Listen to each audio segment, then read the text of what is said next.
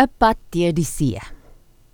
Toe die Israeliete uit Egipte getrek het, het die Here 'n groot wolk gestuur om voor hulle uit te trek en vir hulle die pad te wys. In die aand het dit in 'n vuurbal verander sodat hulle lig kon hê vir die reis. Hulle eerste groot rusplek was by die Rietsee.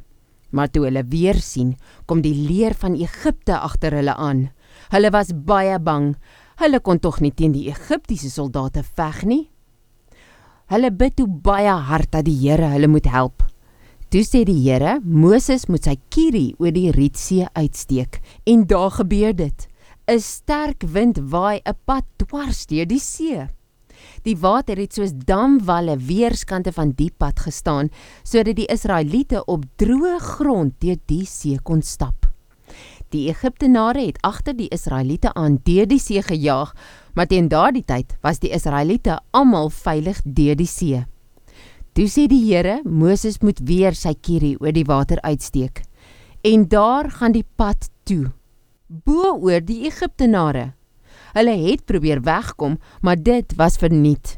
Die Here het hulle gewen en hulle het nooit weer die Israeliete geplan nie, net soos hy beloof het.